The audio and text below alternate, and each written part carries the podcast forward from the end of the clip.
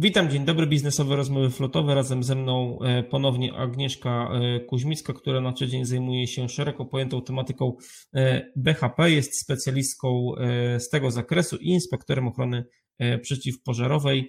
W obsłudze swoich klientów wykorzystuje wiedzę z obszarów prawa, zarządzania i inżynierii.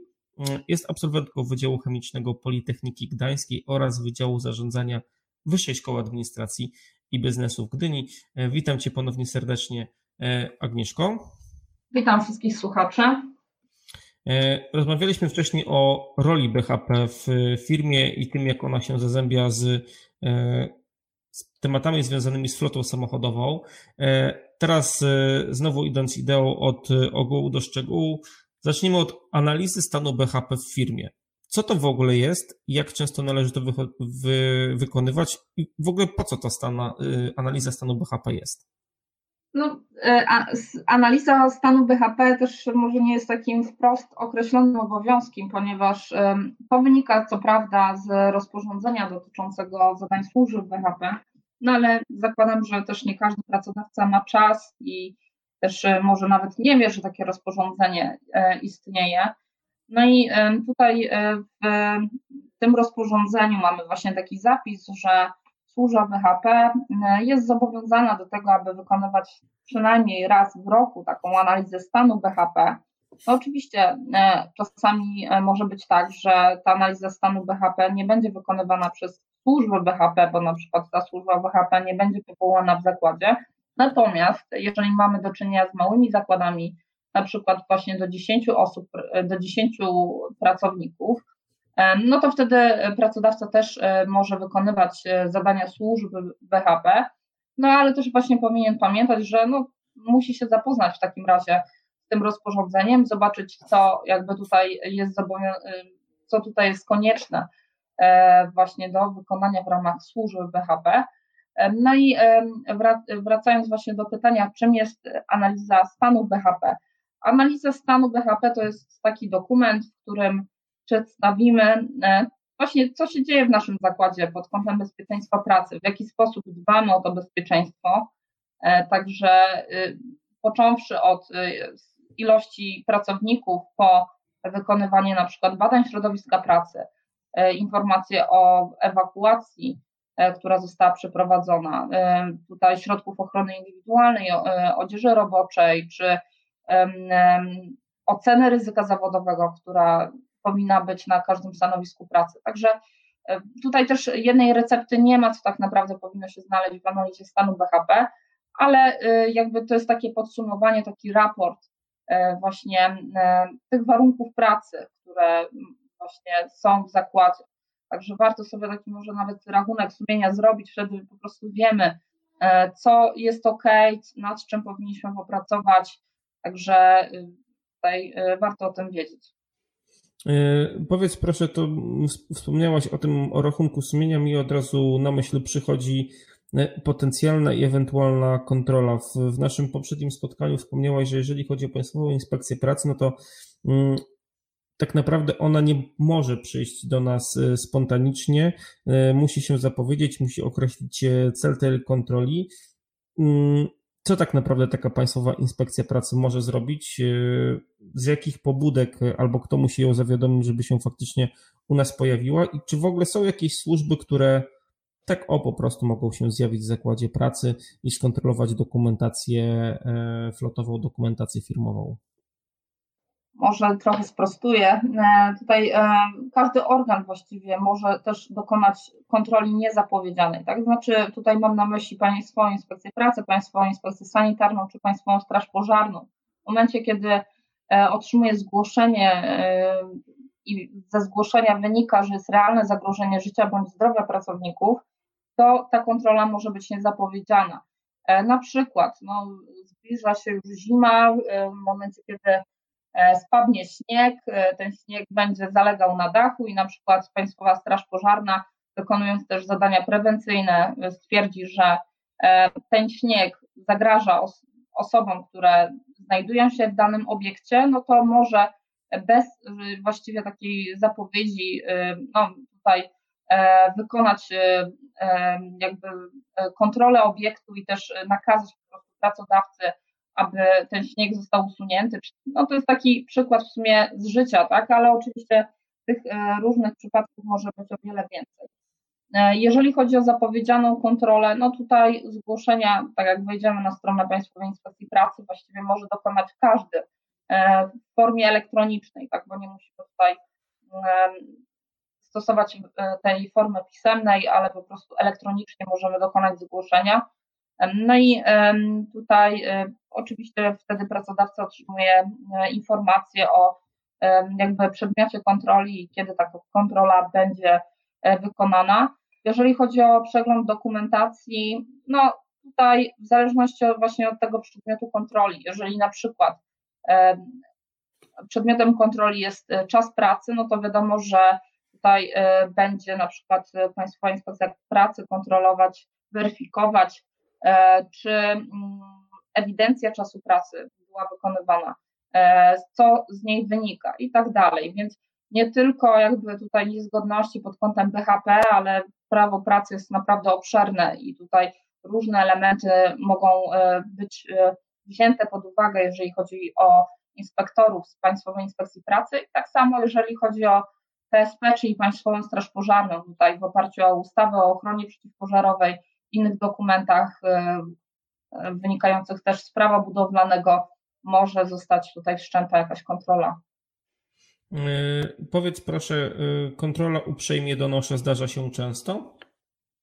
No, ciężko mi też powiedzieć, bo nie pracowałam nigdy w żadnym z takich organów, więc takich też statystyk no, nigdy nie prześledziłam, tak, w jaki sposób te zgłoszenia mm, tutaj się odbywają. Natomiast no, coraz więcej osób jest wyedukowanych, można powiedzieć, tak, że pracownicy coraz więcej rzeczy też wiedzą, jeżeli chodzi o prawo pracy czy, czy inne aspekty. Z jednej strony no, bardzo dobrze, bo tutaj też bardziej świadome społeczeństwo no, e, jest w stanie jakby też e, e, jest bardziej chętna do, do podjęcia różnych działań, tak, no bo wiedzą wtedy, że to wynika po prostu z określonych regulacji prawnych. Natomiast no, druga strona to też, że po prostu w momencie, kiedy te przepisy nie zostaną spełnione, no, tutaj możemy się liczyć właśnie z różnymi konsekwencjami.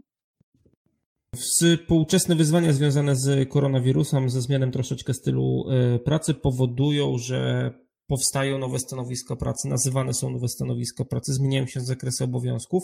E, jak to wygląda pod kątem opisu stanowiska pracy, ryzyk związanych z tym stanowiskiem pracy? Kiedy e, należy taki dokument tworzyć? Kto go przede wszystkim tworzy i dlaczego on w ogóle jest tak naprawdę ważny?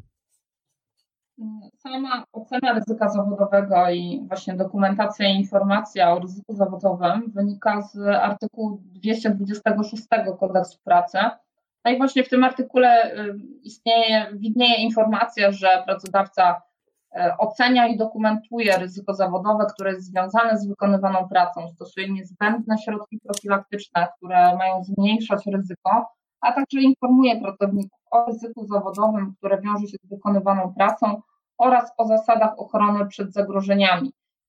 E, no i tutaj e, właśnie w oparciu o ten przepis e, musimy pamiętać, że w momencie, kiedy mamy stanowisko pracy, no, dla, takiej, dla takiego stanowiska pracy powinniśmy właśnie opracować tą ocenę ryzyka zawodowego.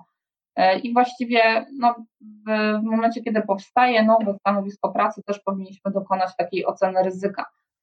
W takiej ocenie ryzyka y, znajdziemy informacje o opisie stanowiska pracy, o zagrożeniach, które występują właśnie na stanowisku pracy, no i w jaki sposób e, przeciwdziałać tym zagrożeniom. E, może, e, może nie przeciwdziałać, bo wszystkich zagrożeń nie da się wyeliminować, ale jak minimalizować ryzyko, tak aby nie doprowadzić do takiej sytuacji jak wypadek przy pracy, czy no, inne zdarzenia takie e, niepożądane związane właśnie z wykonywaniem pracy. E, także e, pamiętamy o tym, że no nie tylko jakby sporządzamy ten dokument, bo to nie chodzi o to, żeby tylko w dokumentach się wszystko zgadzało, ale także powinniśmy po prostu z tym dokumentem zapoznać pracowników. Forma, w jakiej, forma, w jakiej zostanie sporządzona ta ocena ryzyka zawodowego, też tak naprawdę no, zależy od nas, w zależności też co się sprawdza w zakładzie. Jeżeli mamy takie stanowiska pracy, w których, gdzie pracownicy wykonują pracę zdalnie, no to wiadomo, że tutaj ta forma elektroniczna jest no, bardziej pożądana i tutaj też musimy po prostu też zadbać o to, aby E, pracownik miał właśnie dostęp do tej oceny ryzyka, no i też mógł e, potwierdzić to zapoznanie z oceną ryzyka. Także e, tym jest ocena ryzyka, właśnie to wynika z kodeksu pracy, o tym powinniśmy pamiętać w momencie, kiedy powstają nowe stanowiska pracy, ale także kiedy zachodzą zmiany na stanowisku pracy, ponieważ w momencie, kiedy jakiś proces pracy ulega zmianie, bądź właśnie organizacja w zakładzie i też to ma wpływ na wykonywanie pracy przez danego pracownika, to też e, powinna ta ocena ryzyka zawodowego zostać aktualizowana. To jest taki właśnie dokument żyjący, czyli w momencie, kiedy no, zachodzą te zmiany, to też powinniśmy e, podjąć tutaj e, aktualizację. A powiedz proszę, jeżeli chodzi o ten opis i ocenę ryzyka na danym stanowisku pracy, każdy może sporządzić, kierownik danego, e, danego pracownika może sporządzić e, taki dokument? Mm, czy to jest coś, co powinno tworzyć e, kilka osób w danej firmie?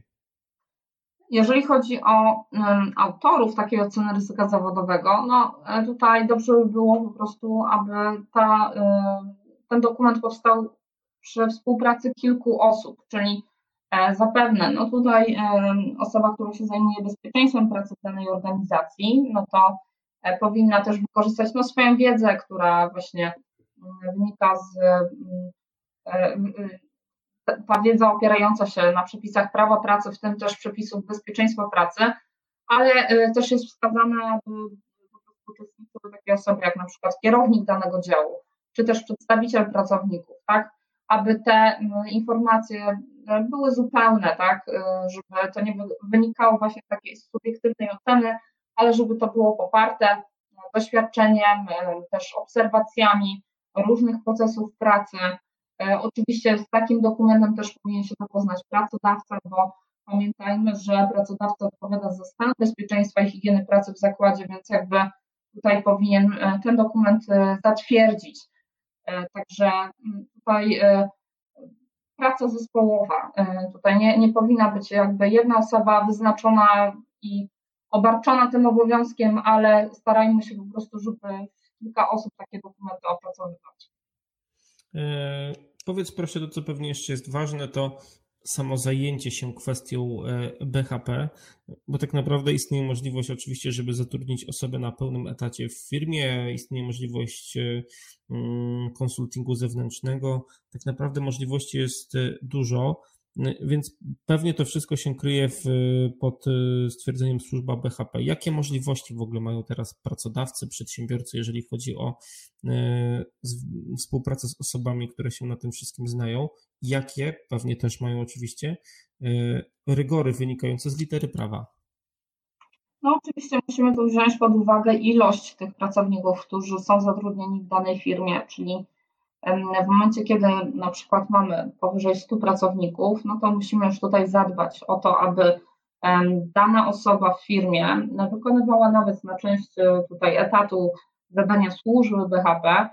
Może być to osoba, która y, znaczy właśnie na część etatu, czyli będzie miała to e, wpisane jako stanowisko, czyli na przykład starszy inspektor bądź specjalista BHP, ale może być to też wykonywane w formie E, dotychczasowej pracy i po prostu te zadania e, służby BHP będą takie dodatkowe, ale musimy pamiętać, że właśnie, jeżeli już mamy tych 100 pracowników, to e, powinniśmy o to zadbać.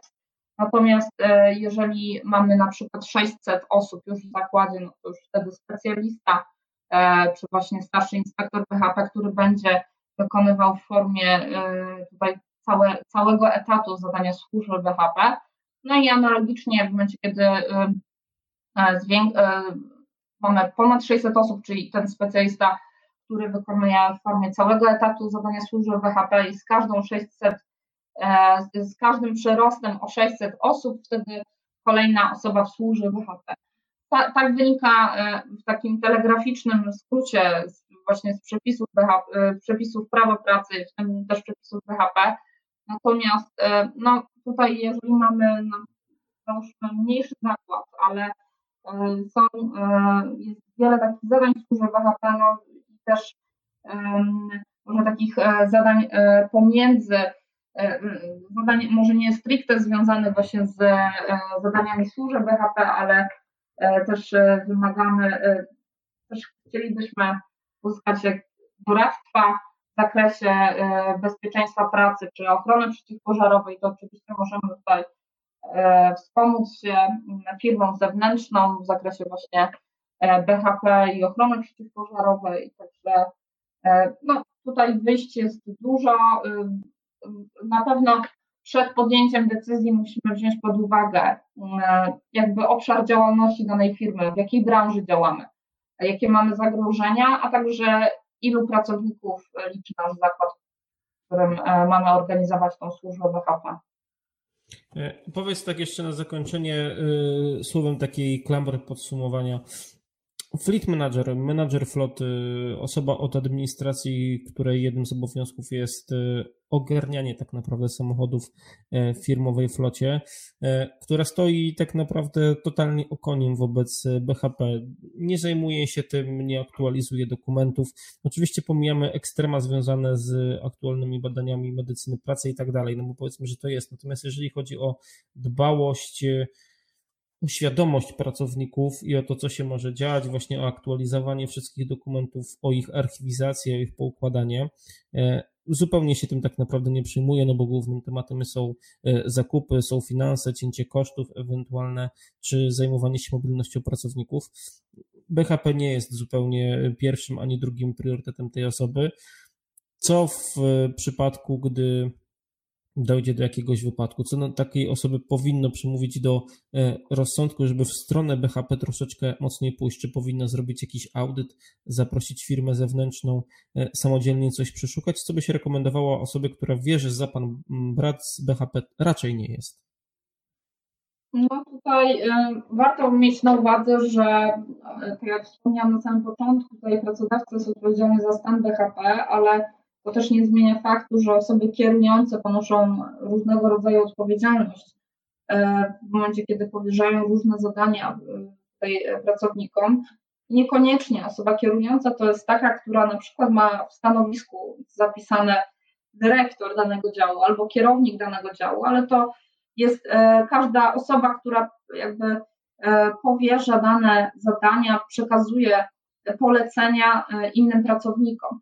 Więc jakby tutaj kodeks pracy też e, informuje, jakie kary mogą nas spotkać w momencie, kiedy e, na przykład nie przekażemy informacji o wypadku przy pracy, nie sporządzimy odpowiedniej dokumentacji, albo jeżeli e, stwarzamy zagrożenie dla życia, zdrowia osób pracujących.